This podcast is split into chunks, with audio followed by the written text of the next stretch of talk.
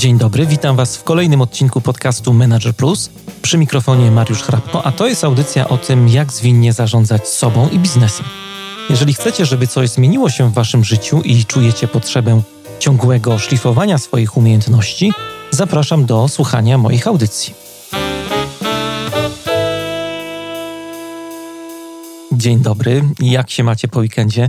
Mam nadzieję, że macie się przede wszystkim zdrowo. Dzisiaj przygotowałem dla Was temat, który jakiś czas temu wzięliśmy na warsztat w ostatnim czytelniczym klubie dyskusyjnym na platformie Agile Leadership Tribe.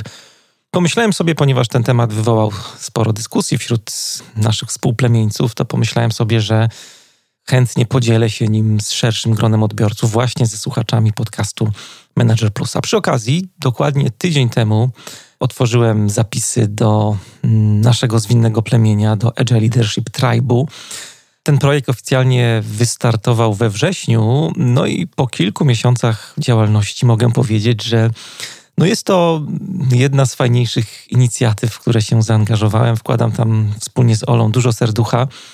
E, jest to super miejsce, jeżeli faktycznie ktoś z Was, jeżeli Ty myślisz serio o rozwoju swojego przywództwa, jeżeli myślisz o tym, żeby zwiększać swoją samoświadomość w obszarach liderskiego życia, to jak najbardziej zapraszamy. Jesteś tam mile widziany. Robimy tam bardzo różne rzeczy, bo oprócz samej bazy wiedzy, gdzie możesz znaleźć sporo różnych artykułów na tematy związane ze zwinnym przywództwem, są też materiały wideo. Ja się odważyłem właśnie pokazać twarz, więc wyszedłem jakby za mikrofonu i robimy tam różne nagrania takie edukacyjne właśnie kamerką wideo i są też od niedawna dedykowane podcasty, więc takie odcinki podcastu Manager Plus, których y, nie usłyszycie na zewnątrz, ale one są dedykowane, czy będą dedykowane też dla e, społeczności właśnie naszej plemiennej. No i jest forum, forum, gdzie jest pozakładanych mnóstwo różnych wątków, ale są też eventy, które to był taki nasz pomysł wspólnie z Olą, żebyście mieli też takie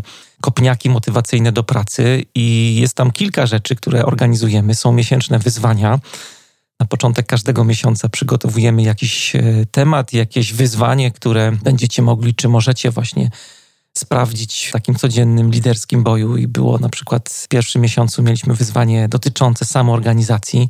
Był tydzień też z tematem. Tydzień z tematem to jest takie wydarzenie, które organizujemy raz na kwartał. Bierzemy sobie na tapet temat. Tym razem e, zaczęliśmy od tematu wartości. Przez tydzień każdy z współplemieńców miał okazję dostawać od nas różne właśnie materiały edukacyjne, ćwiczenia. Dzień w dzień coś było do zrobienia, do przepracowania, do przemyślenia. I też są czytelnicze kluby dyskusyjne, gdzie mm, regularnie spotykamy się i przerabiamy jakiś fragment tekstu, który jest fragmentem z jakiejś mądrej książki branżowej. Jest to taki też pretekst do tego, żeby się spotkać po pracy i porozmawiać na tematy ważne właśnie dla mm, zwinnych liderów. Wszystkie szczegóły już nie będę się rozgadywał tutaj na początek tego odcinka, ale wszystkie szczegóły znajdziecie na stronie altribe.pl. Oczywiście będzie w materiałach do tego odcinka, więc bez problemu sobie możecie wszystko doczytać i na spokojnie się zastanowić, czy to jest coś dla Was. No a dzisiaj temat który był tematem jednego z ostatnich czytelniczych klubów dyskusyjnych, mianowicie temat, który dotyka konfliktu, który dotyka zdrowej komunikacji. I tak sobie myślę, że to są tematy, które zawsze wywołują dużo emocji, dużo takich refleksji związanych właśnie z liderskim życiem i są zawsze ważne dla każdego lidera. E, konflikty. Konflikty to jest coś, co jest częścią każdej zdrowej relacji. Od tego chciałbym zacząć, bo każdy dobrze funkcjonujący zespół, zespół, który jest efektywny i zespół, który pracuje na wynik, y, ma do czynienia z konfliktami. To jest rzecz nieunikniona i nie należy absolutnie z tym walczyć. To jest normalne i to jest zdrowe. Tak bym chciał dzisiaj zacząć. Dlatego ja też bardziej lubię określenie zarządzanie konfliktem niż rozwiązywanie konfliktu, bo tak na dobrą sprawę nie zawsze to rozwiązywanie konfliktu jest dobre. E, są konflikty, które są konstruktywne, które bardzo dobrze robią e, relacjom w zespole, w ogóle pracy zespołowej. To jest zawsze, jeżeli mówimy o konflikcie konstruktywnym, to jest zawsze jakaś e, nowa możliwość rozwoju, to są jakieś nowe insighty, nowe wglądy w nasze relacje, w naszą zespołową codzienność, pracę projektową.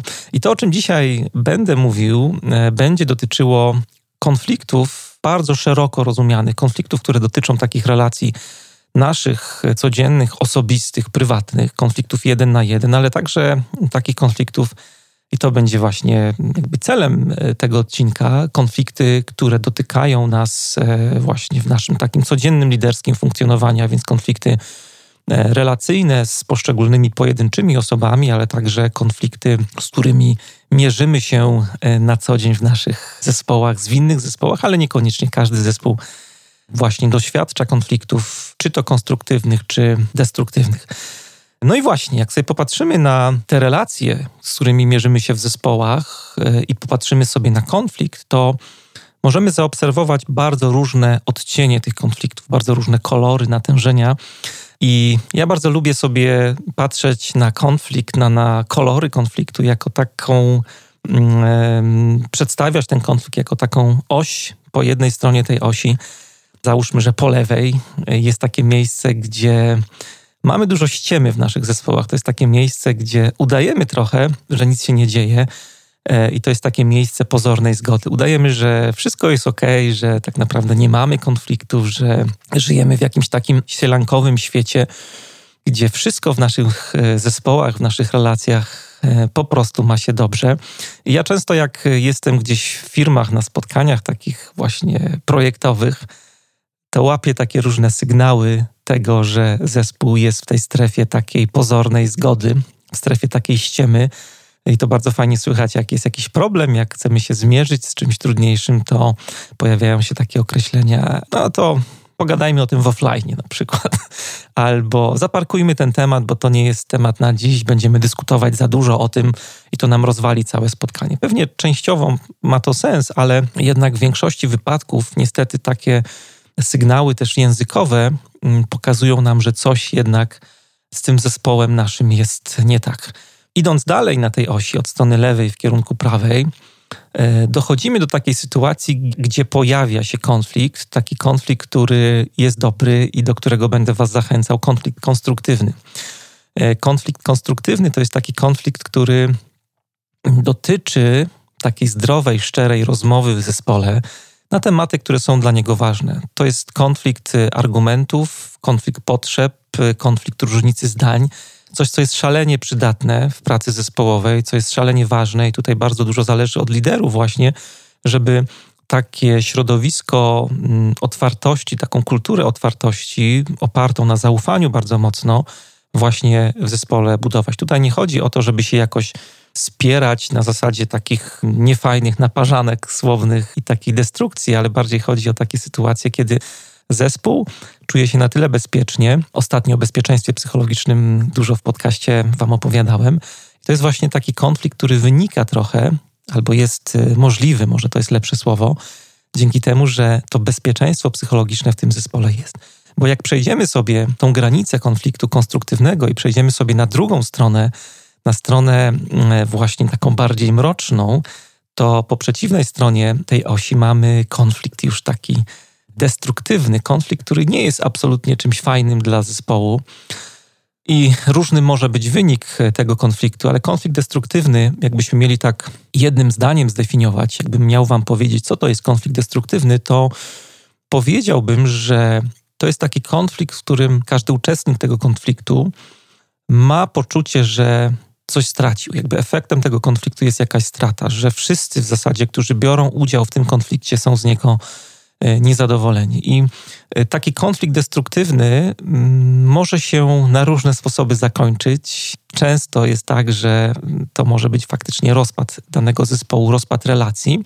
Może pójść tak daleko, ale to może być też taki efekt, który będzie mimo wszystko efektem pozytywnym takim efektem, który was zaskoczy i będzie takim efektem katarzis trochę, że ten zespół, który przejdzie przez tą taką mroczną strefę, taką ciemną noc, jak e, mawiają zachodni mistycy, to mm, wejdzie na, taką, na taki wyższy poziom jakby codziennego e, funkcjonowania.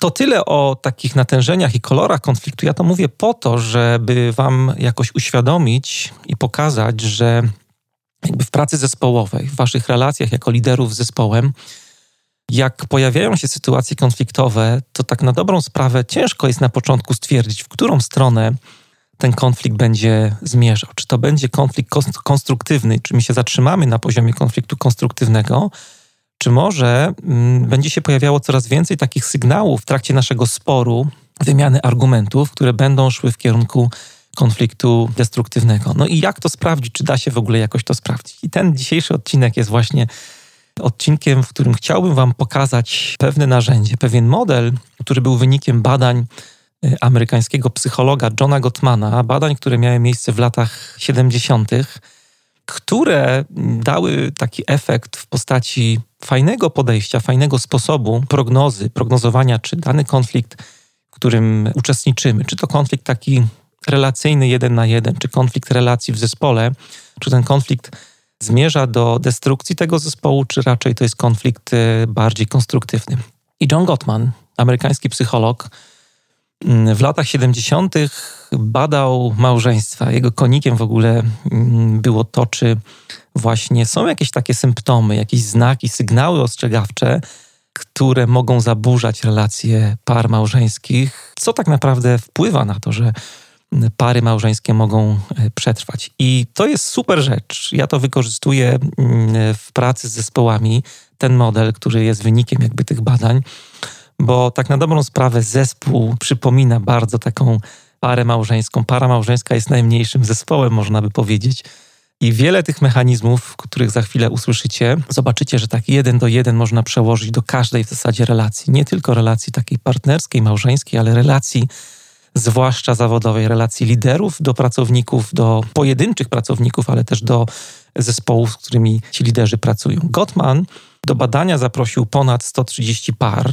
Te badania odbywały się w Seattle i był specjalnie przygotowany, to się tak nazywało bardzo górnolotnie, pokój miłości. To tak naprawdę było miejsce, do którego zapraszano te pary.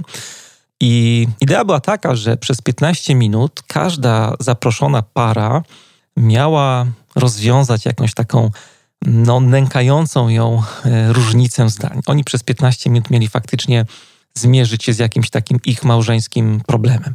Pokój miłości, dlatego że to był faktycznie taki pokój bardziej laboratorium, w którym były zainstalowane kamery, były różne urządzenia, które służyły mm, do pomiarów na przykład układu krążenia tych par, między innymi szybkości bicia serca i tak dalej, i tak dalej. Więc to wszystko było monitorowane na wszystkie możliwe e, sposoby. I efekt był bardzo zaskakujący tych badań, bo Gottman, jak się okazało, miał, uwaga, uwaga, 91% skuteczność w przewidywaniu rozwodów. On po trzech minutach obserwacji tego, w jaki sposób e, ta para się kłóciła przez te 15 minut, które miała przeznaczone na tą kłótnię, to jemu wystarczyły tylko 3 minuty, żeby właściwie stwierdzić, czy ten związek ma się ku rozpadowi, idzie w taką bardzo destrukcyjną stronę, czy to małżeństwo przetrwa. I efektem tych badań e, Gottman sformułował takie cztery, można powiedzieć, wzorce komunikacyjne, chociaż tak sobie myślę, że antywzorce to jest lepsze określenie. Takie markery komunikacyjne, które nazwał sobie tak biblijnie czterema jeźdźcami apokalipsy, i ta metafora jest y, jak najbardziej zasadna, dlatego że jak pewnie pamiętacie w Apokalipsie świętego Jana, tam się pojawiła ta e, metafora, ci czterej jeźdźcy mają wyruszyć na koniach przed sądem ostatecznym, a więc de facto e, ta metafora czterech jeźdźców jest takim proroctwem, jest taką zapowiedzią zbliżającego się e, końca czasów i bardzo podobnie jest właśnie z tymi antywzorcami komunikacyjnymi. Jeżeli zaobserwujecie ich obecność w zespole, albo w waszych relacjach takich osobistych, w relacjach męża, żony, w relacjach partnerskich, to te wzorce, te antywzorce komunikacyjne są taką niechybną zapowiedzią końca takiej relacji i bardzo ważne założenie na początek powinniśmy tutaj poczynić, że absolutnie nie mówimy tutaj o jakichś takich jednorazowych sytuacjach, o jakimś takim jednorazowym wypadku przy pracy. Tutaj chodzi o bardzo konkretne nawyki komunikacyjne, w których uczestniczymy. Tutaj chodzi o bardzo konkretne tendencje, wzorce w naszej komunikacji, komunikacji w naszych indywidualnych relacjach, ale też komunikacji, którą obserwujemy jako liderzy w naszych zespołach. To przypomina trochę, te antywzorce przypominają trochę takie toksyny komunikacyjne. Tak byśmy mogli też zamiennie, oprócz tych jeźdźców apokalipsy, mm, o nich mówić, bo toksyna jak osiągnie w naszym organizmie pewne mm, stężenie, no to prowadzi do e, śmierci tego organizmu. E, jest to taka trucizna, więc tak przenosząc już na te konflikty naszego zespołu czy zespołów, jest to taka trucizna, która po prostu zabija relacje. I teraz przejdziemy sobie przez każdą e, z tych czterech toksyn. Zaczniemy od toksyny pierwszej, toksyny, która mm, wiąże się z krytykowaniem. To jest taka toksyna, która dotyczy zwłaszcza tych momentów, kiedy my rozpoczynamy jakiś spór, kiedy my rozpoczynamy sytuację konfliktową. Krytykowanie bardzo często jest tak, że to jest taka pierwsza rzecz, nie chcę powiedzieć, która naturalnie się pojawia, jak e, pojawiają się emocje, jak wchodzimy w jakąś taką e, sytuację konfliktową, ale faktycznie tak jest, jak się obserwuje różne spory, sprzeczki, to bardzo często zaczynamy właśnie od krytykowania, bo ty zawsze czegoś nie robisz, bo ty nigdy. To są takie słowa klucze, które pokazują nam albo powinny wam się gdzieś tam zapalać w głowie, jak sobie myślicie mm, o tej toksynie mm, komunikacyjnej. Taki, taki case może, taki przykład, który możemy podać, często się z nim spotykam przy mm, pracy zespołów agile'owych, mianowicie spóźnialscy na stand-upach. No i ktoś nagle mówi, bo ty nigdy nie przychodzisz na nasze stand-upy na czas. Ty się zawsze spóźniasz. Na każdej retrospektywie umawiamy się co koniec sprintu, że będziemy punktualni. Zrobiliśmy sobie nawet kontrakt zespołu, gdzie wyraźnie sobie powiedzieliśmy, że punktualność to jest coś absolutnie ważnego dla naszego zespołu, a ty masz to po prostu gdzieś. I te słowa, bo ty zawsze, bo ty nigdy, bo ty zawsze się spóźniasz, to jest coś, co mm, jakby otwiera już taką puszkę Pandory, która mm, jest duże prawdopodobieństwo, że jeżeli tak zaczynacie rozmowę, to szybko dojdzie do mm, eskalacji krytyki, szybko dojdzie do eskalacji tego waszego konfliktu. E, przy toksynie związanej z krytykowaniem, taka bardzo ważna rzecz, którą trzeba sobie uświadomić, dotyczy odróżnienia jakby krytyki, krytykanstwa e, od narzekania. To jest dość istotne, bo mm, narzekanie mm, to jest coś zupełnie innego niż krytykowanie. My często to mylimy. Narzekanie odnosi się do bardzo konkretnego działania, na przykład którym Tomek, zakładam, że się spóźnia na, na stand-upy, nas zawiódł. No a krytyka ma już taki bardzo szeroki zasięg. Krytyka wiąże się już z takim oskarżeniem pod adresem naszego charakteru czy charakteru naszego rozmówcy. W krytyce dotykamy osobowości naszego partnera. No na przykład możemy tutaj y, nawiązać do takiej sytuacji już nie biznesowej, ale bardziej związanej z naszym domowym życiem. Żona mówi do męża: No, jestem naprawdę zła, że wczoraj nie odkurzyłeś. Ustaliliśmy, że będziemy sprzątać na zmianę. I to jest y, przykład narzekania, właśnie, bo y, żona dotyka konkretnego zachowania. Wczoraj mąż nie odkurzył. A gdybyśmy wzięli taką samą sytuację, ale spróbowali skrytykować partnera, to możemy sobie wyobrazić, że to brzmiałoby mniej więcej tak. Dlaczego ty o wszystkim ciągle zapominasz? Nienawidzę odkurzać za ciebie, kiedy wypada twoja kolej. Umawialiśmy się, że co czwartek będziemy się zmieniać z tym odkurzaniem. A więc narzekanie to jest konkretne zachowanie, punktujemy konkretne zachowanie, a krytyka sięga głębiej, bo zarzuca już winę drugiej osobie i krytyka uderza w jej charakter. To jest dość istotne, jak będziecie próbowali podglądać relacje w waszych zespołach, czy wasze osobiste relacje. E, zwróćcie uwagę właśnie, czy pojawia się tam narzekanie, czy bardziej krytykowanie. Krytykowanie to jest coś, co niechybnie prowadzi do zguby takiej relacji. I e, możemy sobie przy każdej toksynie, i bardzo bym chciał, żeby mm, tak było, E, bo to jest też coś, co Wam się przyda w codziennej pracy z zespołami, podawać odtrutki do danej toksyny. I mm, jeśli chodzi o krytykę, o krytykowanie, to tutaj taką propozycją Gottmana na mm, krytykowanie jest zmiękczenie startu. On używa takiego określenia soften your startup, czyli jakby zapewni, że jakby początek Twojej kłótni, początek yy, tej sytuacji konfliktowej no nie zacznie się tak na ostro, jak tutaj wcześniej sobie mówiliśmy, e, tylko będzie to podane w takim bardziej łagodnym e, sosie. Na przykład szef e, mówi do pracownika, tutaj przykład takiego miękkiego startu. Potrzebowałem ten raport wcześniej, uzgodniliśmy termin na wczoraj, więc jak możesz, to przyślij mi go jak najszybciej. To jest przykład takiego zmiękczonego startu, który może zupełnie inaczej wyglądać, jak go trochę wyostrzymy albo bardzo wyostrzymy. Możecie sobie wyobrazić, że ten szef e, krzyczy na pracownika, gdzie jest raport, który mi obiecałeś wysłać wczoraj. Tomek, czy ty chociaż raz mógłbyś coś zrobić na czas? Tego typu określenia się pojawiają, czy w mailach, czy gdzieś w rozmowach telefonicznych, czy takich jeden na jeden z szefem. Są to rzeczy takie dość często spotykane. I co Wam tutaj mogę podpowiedzieć też, to mm, już pewnie się domyślacie, że ten taki komunikat oparty na formule ty jest bardzo y, niebezpieczny i on może generować eskalację takiego konfliktu, bo komunikat ty, bo ty czegoś nie robisz, bo ty zawsze się z czymś spóźniasz, czy ty chociaż raz mógłbyś zrobić ten raport na czas i tak dalej, i tak dalej. To są takie komunikaty, które zgodzicie się, mają dość pejoratywny wydźwięk, bo no jeżeli zaczynamy naszą rozmowę od takiego stwierdzenia, bo ty zawsze się spóźniasz, to automatycznie zrzucamy winę na y, swojego rozmówcę i no, wchodzimy w takie buty trochę y, inkwizytora. My zaczynamy oceniać tą drugą stronę.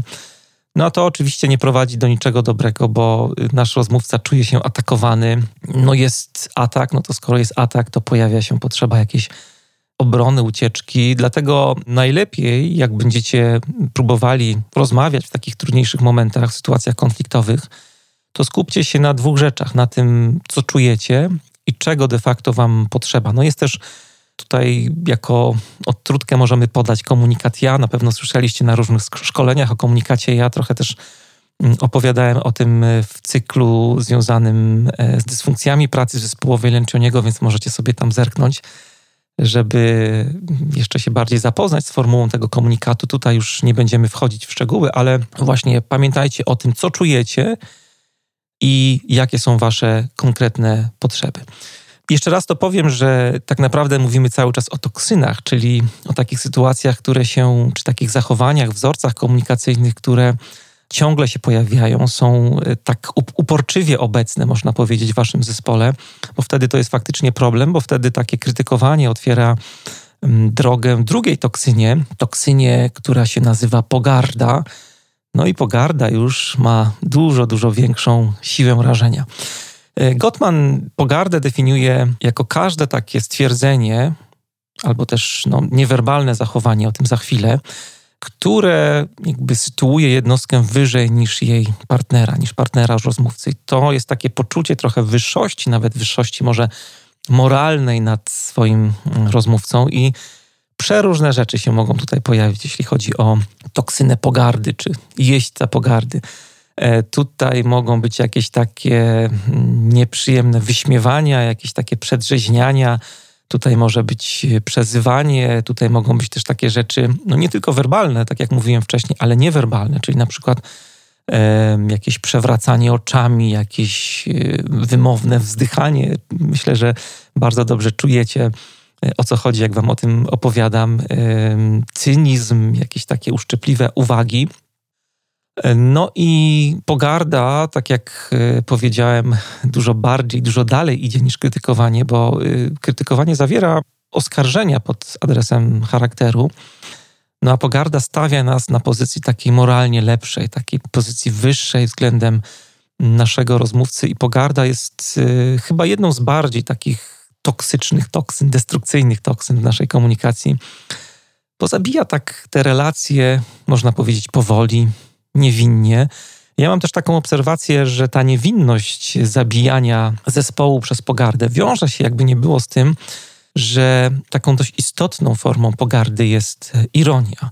Jest jakiś sarkazm, a ironia, no to jak sobie tak o tym pomyślicie na spokojnie, to jakby nie było, jest domena przecież ludzi inteligentnych. Jak wiem, poczytacie sobie internety i wpiszecie hasło w wyszukiwarce pięć cech ludzi inteligentnych, to na pewno jedną z cech będzie właśnie taka umiejętność ironizowania czy ironiczne komentarze. I to się wręcz pokazuje jako, jako coś dobrego, jako plus. No ale e, właśnie w relacjach jest to bardzo mm, ryzykowna rzecz, bardzo niebezpieczna.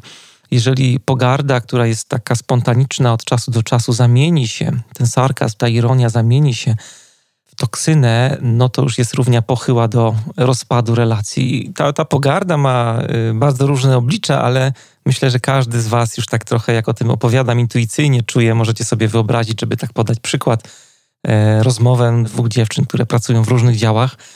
No jesteś zmęczona? No weź, proszę cię, nie żartuj. Przecież wy w tym marketingu to nie macie nic do roboty. Cały czas jak tylko słyszę to jeździcie gdzieś na jakieś wyjazdy integracyjne, siedzicie gdzieś tam w spa w Sopocie. No, kiedy wy się bawicie, no to my w sprzedaży musimy na was zarobić. No i takich przykładów jest całe mnóstwo w naszym codziennym zespołowym życiu. Przykładów takich pogardy, takiej, takiego sarkazmu, który niby jest śmieszny, ale jeżeli stanie się toksyną, to zabija bardzo powoli. Ja kiedyś pamiętam też, miałem taką sytuację, prowadziłem warsztat dla Scrum Masterów. To była grupa wewnętrznych Scrum Masterów w firmie. I pamiętam, to były warsztaty dwudniowe. Jak zaczynaliśmy, to oni przyszli z takim bardzo dobrym nastawieniem, dobrym myśleniem, dobrymi słowami związanymi z ich marką, z mocą ich marki. E, w firmie e, czuli się naprawdę kimś, czuli się naprawdę kimś wyjątkowym, jakimś takim wyróżnionym, tym bardziej, że też w strukturze tej organizacji byli tak super umocowani, więc mieli dużo swobody, dużo decyzyjności. No ale później zobaczyłem, że tak jak żeśmy sobie rozmawiali o różnych takich e, aspektach związanych z przywództwem, to z godziny na godzinę na sali zaczęły się pojawiać takie głosy, które mówiły, że ich marka, no fajnie, mówiliśmy o tym, że jesteśmy tacy mocni, ale to tak do końca nie jest, bo ten nasz zespół, ta nasza marka tej siły Scrum Mastera nie jest do końca tak przez inne zespoły w firmie super akceptowana, czy pojedynczych pracowników. No jak doszliśmy do tematu toksyn komunikacyjnych i właśnie pojawiła się kwestia pogardy, to ktoś z tego zespołu powiedział: No, już wiem, na czym polega nasz problem. Problem faktycznie polegał na tym, jak żeśmy sobie trochę więcej o tym porozmawiali, że oni tak jakby trochę z pozycji wyższości traktowali wszystkich innych e, pracowników w firmie, inne zespoły, no byli tacy trochę moralnie lepsi, wyżsi, e, bardziej uprzywilejowani.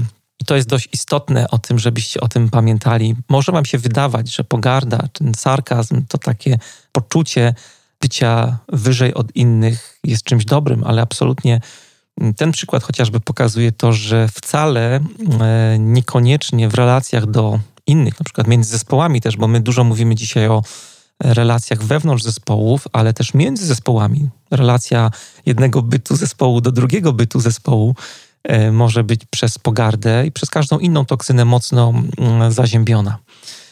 Co może być odtrutką na e, pogardę? Gottman proponuje bardzo fajną rzecz. Mianowicie proponuje pracę nad e, budowaniem takiego środowiska doceniania i wzajemnego szacunku. Jeżeli w waszym zespole, w waszych codziennych relacjach będą się regularnie pojawiały wyrazy wdzięczności, na przykład jak weźmiemy sobie zespoły agile'owe, jeżeli ktoś będzie miał taką przestrzeń i możliwość podziękowania komuś za zrobienie czegoś, za pomoc przy zadaniu, za podzielenie się wiedzą, jeżeli będzie kultywowana wartość szacunku, szacunek jest jedną, jedną z wartości skramowych też przy okazji, jeżeli będzie się pojawiało uznanie no to będziecie budować taką bardzo pozytywną, właśnie dla waszych relacji, energię w tym zespole. Ja bardzo lubię określać, że jest to taki bufor dla wszystkich negatywnych uczuć, emocji, który właśnie będzie mega przydatny w tych sytuacjach trudnych, konfliktowych, gdzie będziecie przypierani do ściany, a tutaj będzie coś, będzie miejsce, z którego będziecie super mogli sobie skorzystać. I pamiętam taką fajną rzecz, na którą e, Gottman zwrócił uwagę w swoich badaniach, że różnica między szczęśliwymi a nieszczęśliwymi parami polega na równowadze między pozytywnymi i negatywnymi interakcjami podczas konfliktu. I on sobie na podstawie tego e, ukuł taką e, dość szczególną formułę, jak sam mówił, formułę, która sprawia, że miłość mm, będzie trwała w takiej parze małżeńskiej. Ta magiczna formuła, ten współczynnik wynosi 5 do 1. On oznacza, że na każdą negatywną interakcję podczas konfliktu stabilne i szczęśliwe małżeństwa mają 5, nawet więcej pozytywnych interakcji. A więc magiczna formuła to 5 do 1 i Pamiętajcie o tym przy myśleniu o budowaniu takiego właśnie środowiska, żeby faktycznie było tak, że, że na każdą taką negatywną interakcję w waszym zespole podczas konfliktu ten wasz zespół będzie miał pięć innych pozytywnych reakcji. Tutaj Wam mogę podać taką prostą e, praktykę, którą możecie wykorzystać. Ja kiedyś miałem, jak to się ładnie mówi, open jowera, e, jak ją po raz pierwszy mm, dawno temu zrobiłem w zespole, jeszcze w ogóle nie myślałem o toksynach komunikacyjnych. Ta praktyka nie do końca mi się wydawała taka fajna, ze względu, zaraz Wam powiem, na to, co tam trzeba zrobić. Ja ją podpatrzyłem książce, która jest taką legendarną już pozycją, jeśli chodzi o prowadzenie retrospektyw w zespołach agile'owych. Agile Retrospectives, tak jest tytuł tej książki.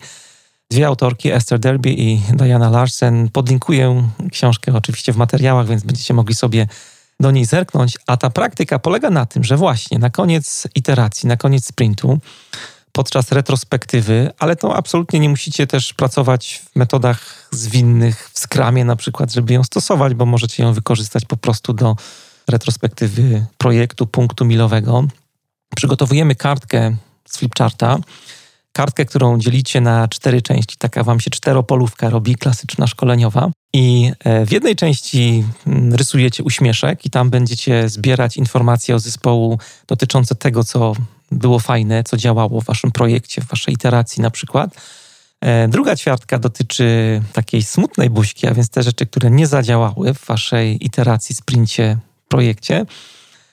Trzecia, rysujemy żarówę. Żarówa to wszystkie dobre pomysły, które się pojawiły w trakcie tej wspólnej pracy.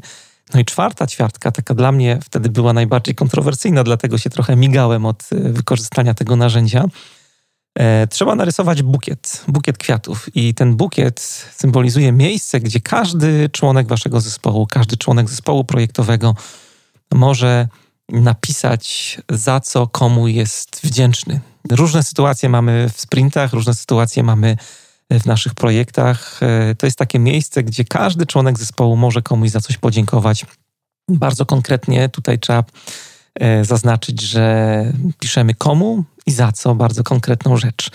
E, ja się bardzo tego obawiałem, że to takie będzie trochę dziwne. Akurat pracowałem z zespołem mm, programistów, więc jakieś takie miałem różne dziwne założenia w swojej głowie, przed którymi się teraz bardzo wzbraniam i wszystkim naokoło opowiadam liderom, że absolutnie na założenia trzeba bardzo, bardzo uważać. No ale wtedy, jak to robiłem po raz pierwszy, tak to u mnie wyglądało. No i efekt był piorunujący. Tutaj, w tej części bukietowej, nazwijmy to, pojawiło się absolutnie najwięcej karteczek. Byliśmy wręcz wzruszeni, jak e, czytaliśmy te wszystkie rzeczy, które się tam pojawiły. To jest jeden z elementów budowania właśnie takiej kultury opartej na wdzięczności, opartej na szacunku, opartej na wyrazach uznania. Oczywiście to jest jeden bardzo taki prosty przykład, jaki możecie wykorzystać, ale jest to bardzo odpowiedzialne zadanie dla wszystkich liderów, bo to się samo nie zrobi. Wasz zespół sam tego e, nie zrobi. Wasz zespół będzie was w tym wspierał, ale jakby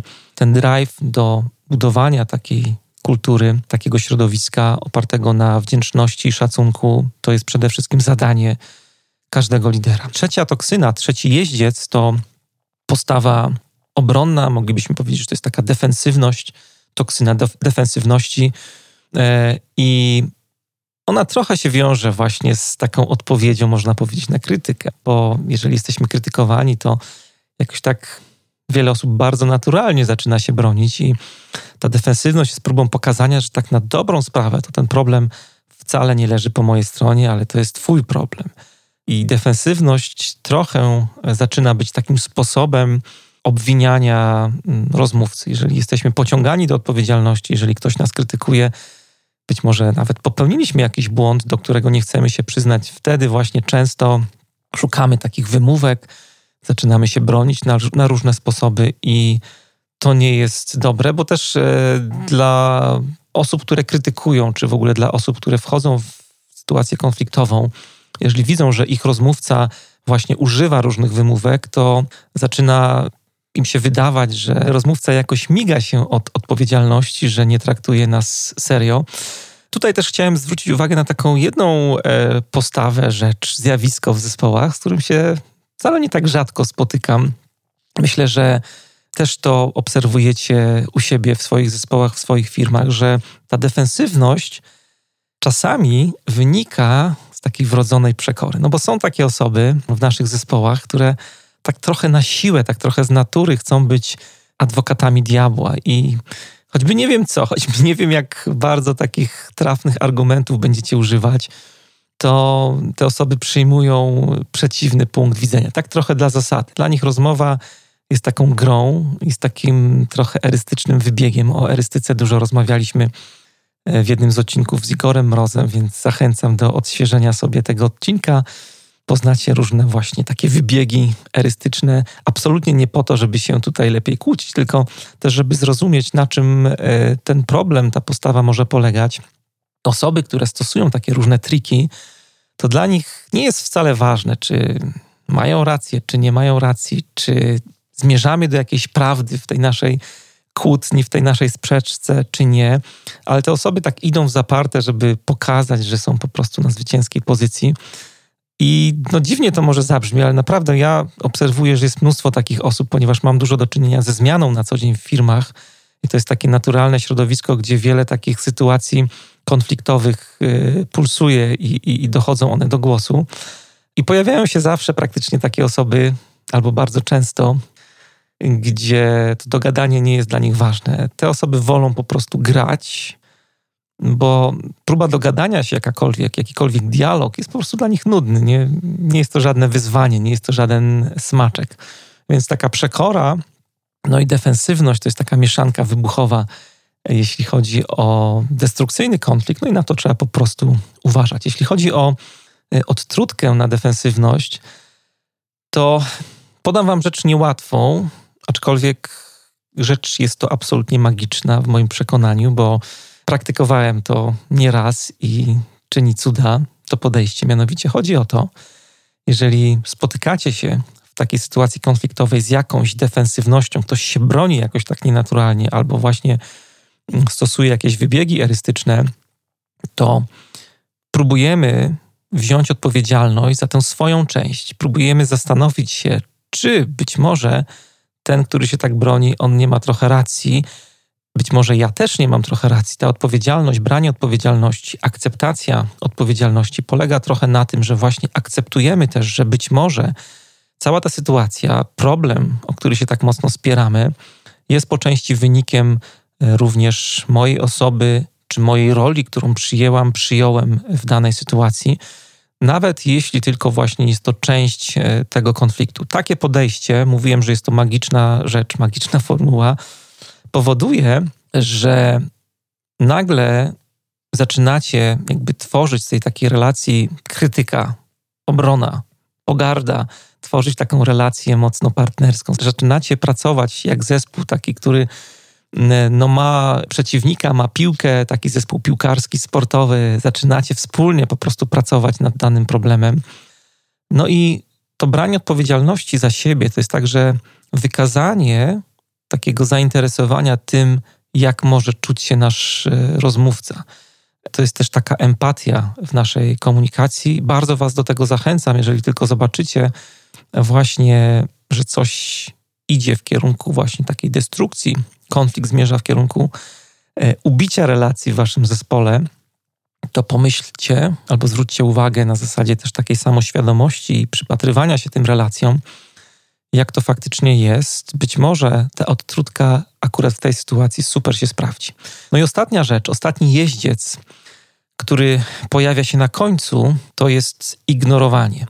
Gottman używa tutaj takiego angielskiego określenia stonewalling.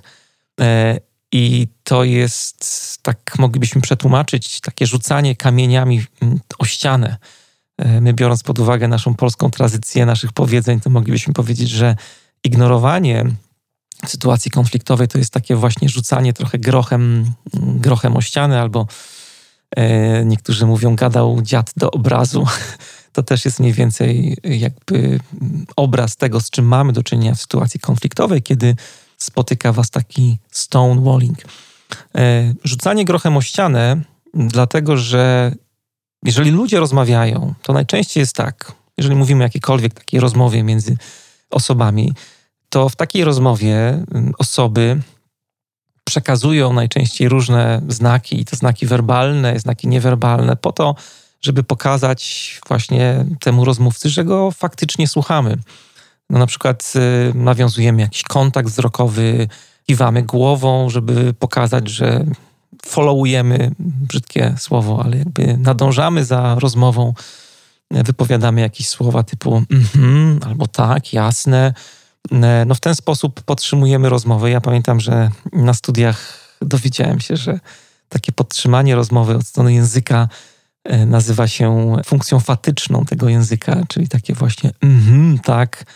E, to wszystko dotyczy właśnie tego, żeby zwrócić uwagę naszemu rozmówcy, że my faktycznie jesteśmy w tej rozmowie, a nie poza nią.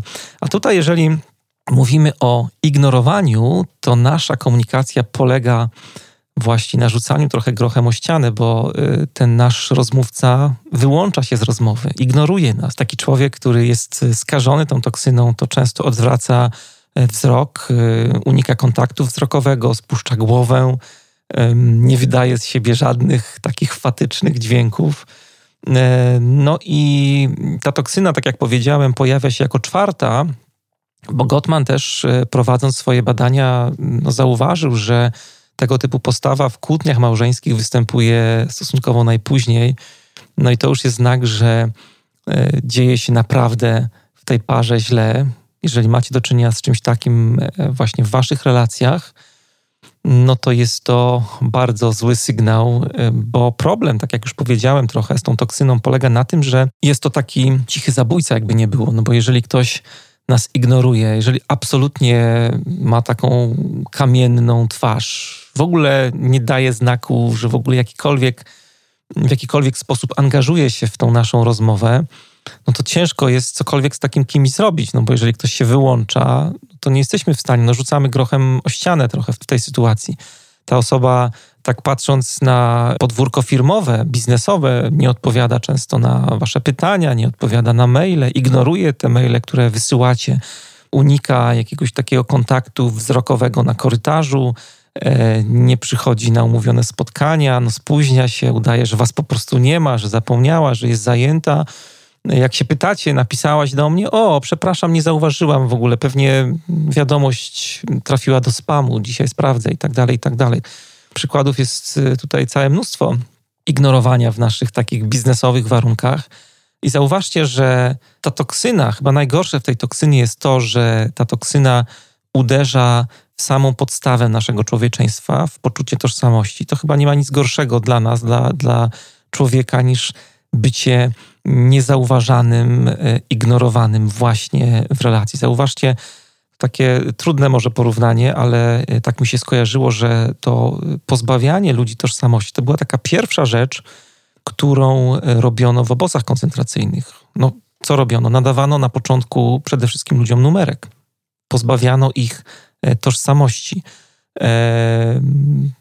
Ignorowanie może mieć różne formy w zespołach czy w relacjach, ale to jest taka toksyna, która też sobie myślę mocno jest e, powiązana z zaufaniem. Jeśli, jeśli w zespole e, nie ma takiej wystarczającej otwartości, jeżeli nie ma tego bezpieczeństwa psychologicznego, to to jest mm, duże prawdopodobieństwo, że ludzie będą powstrzymywać się od zabrania głosu. I to jest też taka, taki kolor e, tej toksyny, można powiedzieć, który no nie jest tak brutalny jak te przykłady, o których wam wcześniej mówiłem, że ktoś w zespole, w firmie was ignoruje tak totalnie, że znika jakby, ale ignorowanie może też przyjmować formę niezabierania głosu, jeżeli macie jakieś spotkanie zespołu waszego na przykład.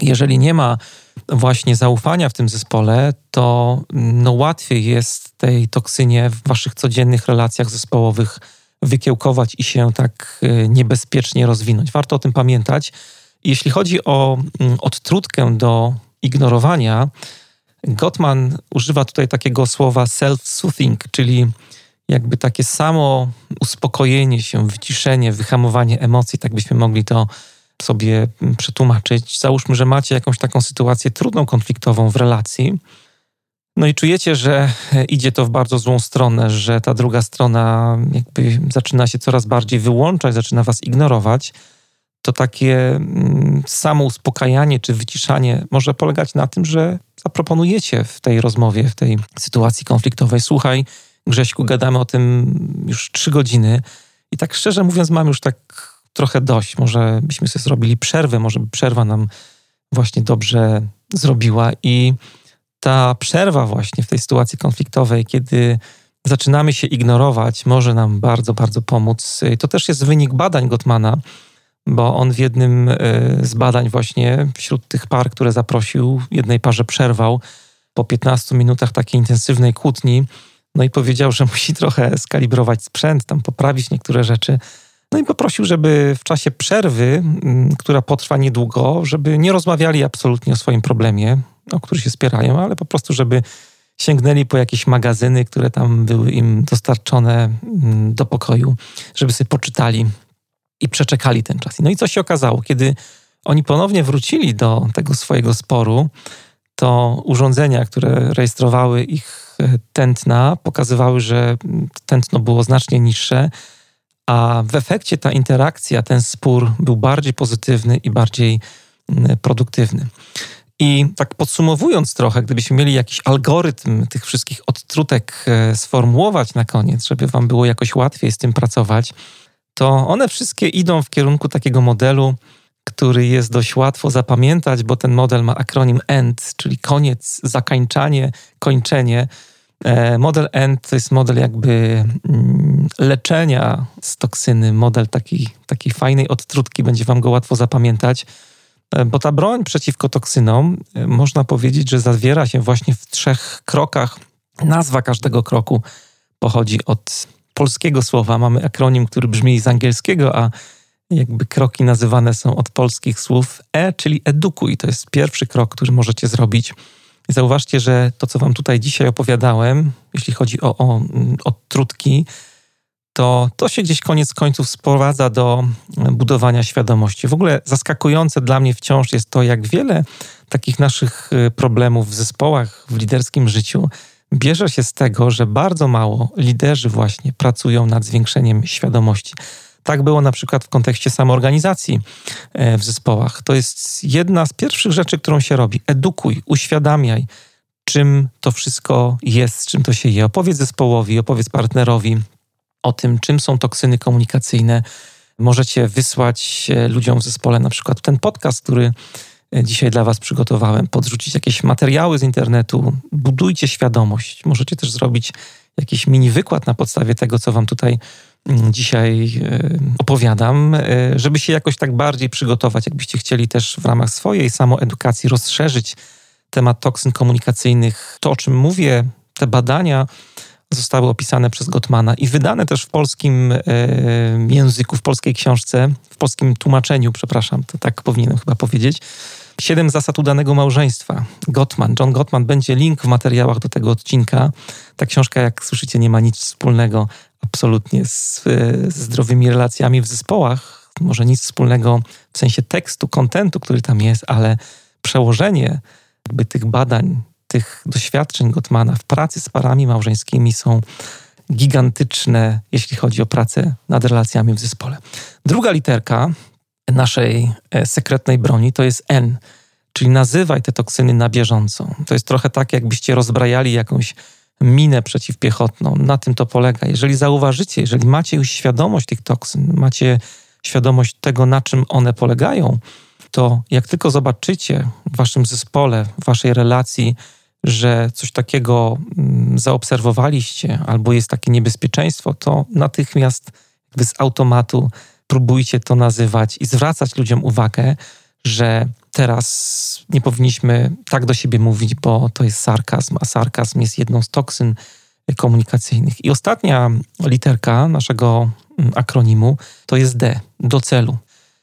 Bardzo e, potrzebna rzecz właśnie w sytuacjach konfliktowych, mianowicie, żebyście właśnie też będąc świadomi tego wszystkiego, o czym tutaj mówimy, E, próbowali przekierować rozmowę na cel.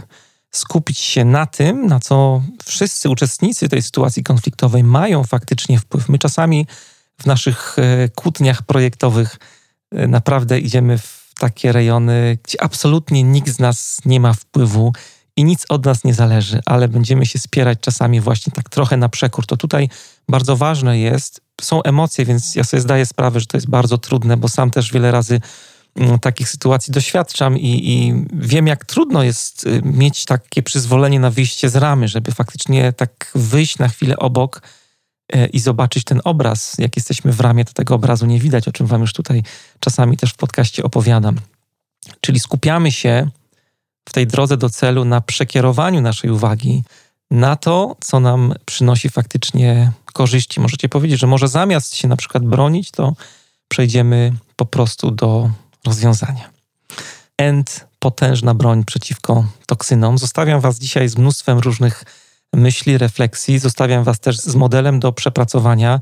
Podsyłam e, w materiałach książkę, która opisuje ten model, i dodatkowo też warto zajrzeć e, na stronę Instytutu Gottmana. Tam jest świetny blog, który też Wam podlinkuję w materiałach, gdzie będziecie mogli sobie jeszcze bardziej ten temat przepracować, rozszerzyć. Jest to wszystko bardzo fajnie opisane z przykładami i trzymam za Was mocno kciuki. Życzę Wam jak najmniej toksyn w Waszych relacjach. No jeszcze bardziej życzę Wam, żebyście na te toksyny uważali. Jeżeli podoba Wam się ten podcast, jeżeli podoba Wam się to, o czym tutaj opowiadam, to niezmiennie mam do Was wielką prośbę. W materiałach do odcinka zamieściłem też linki do e, podcastu w wyszukiwarce iTunes. Tam możecie szybko, sprawnie przejść do ocen, recenzji. Możecie zostawić kilka gwiazdek temu podcastowi, do czego Was bardzo zachęcam. Możecie parę słów napisać na temat tego, jakie korzyści Wam ta audycja w takim codziennym liderskim życiu daje. No a jeżeli e, nie macie w ogóle ochoty, żeby tam zaglądać, e, bo nie jest to jakby coś, co lubicie robić, to zachęcam niezmiennie też do marketingu szeptanego. Jeżeli znajdziecie jedną osobę, która jeszcze nie słuchała podcastu Manager Plus, a która e, może być zainteresowana tym kontentem, który tutaj dla Was udostępniam, to będzie mi niezmiernie miło, jeżeli e, tę osobę zachęcicie i zaprosicie ją do słuchania moich audycji.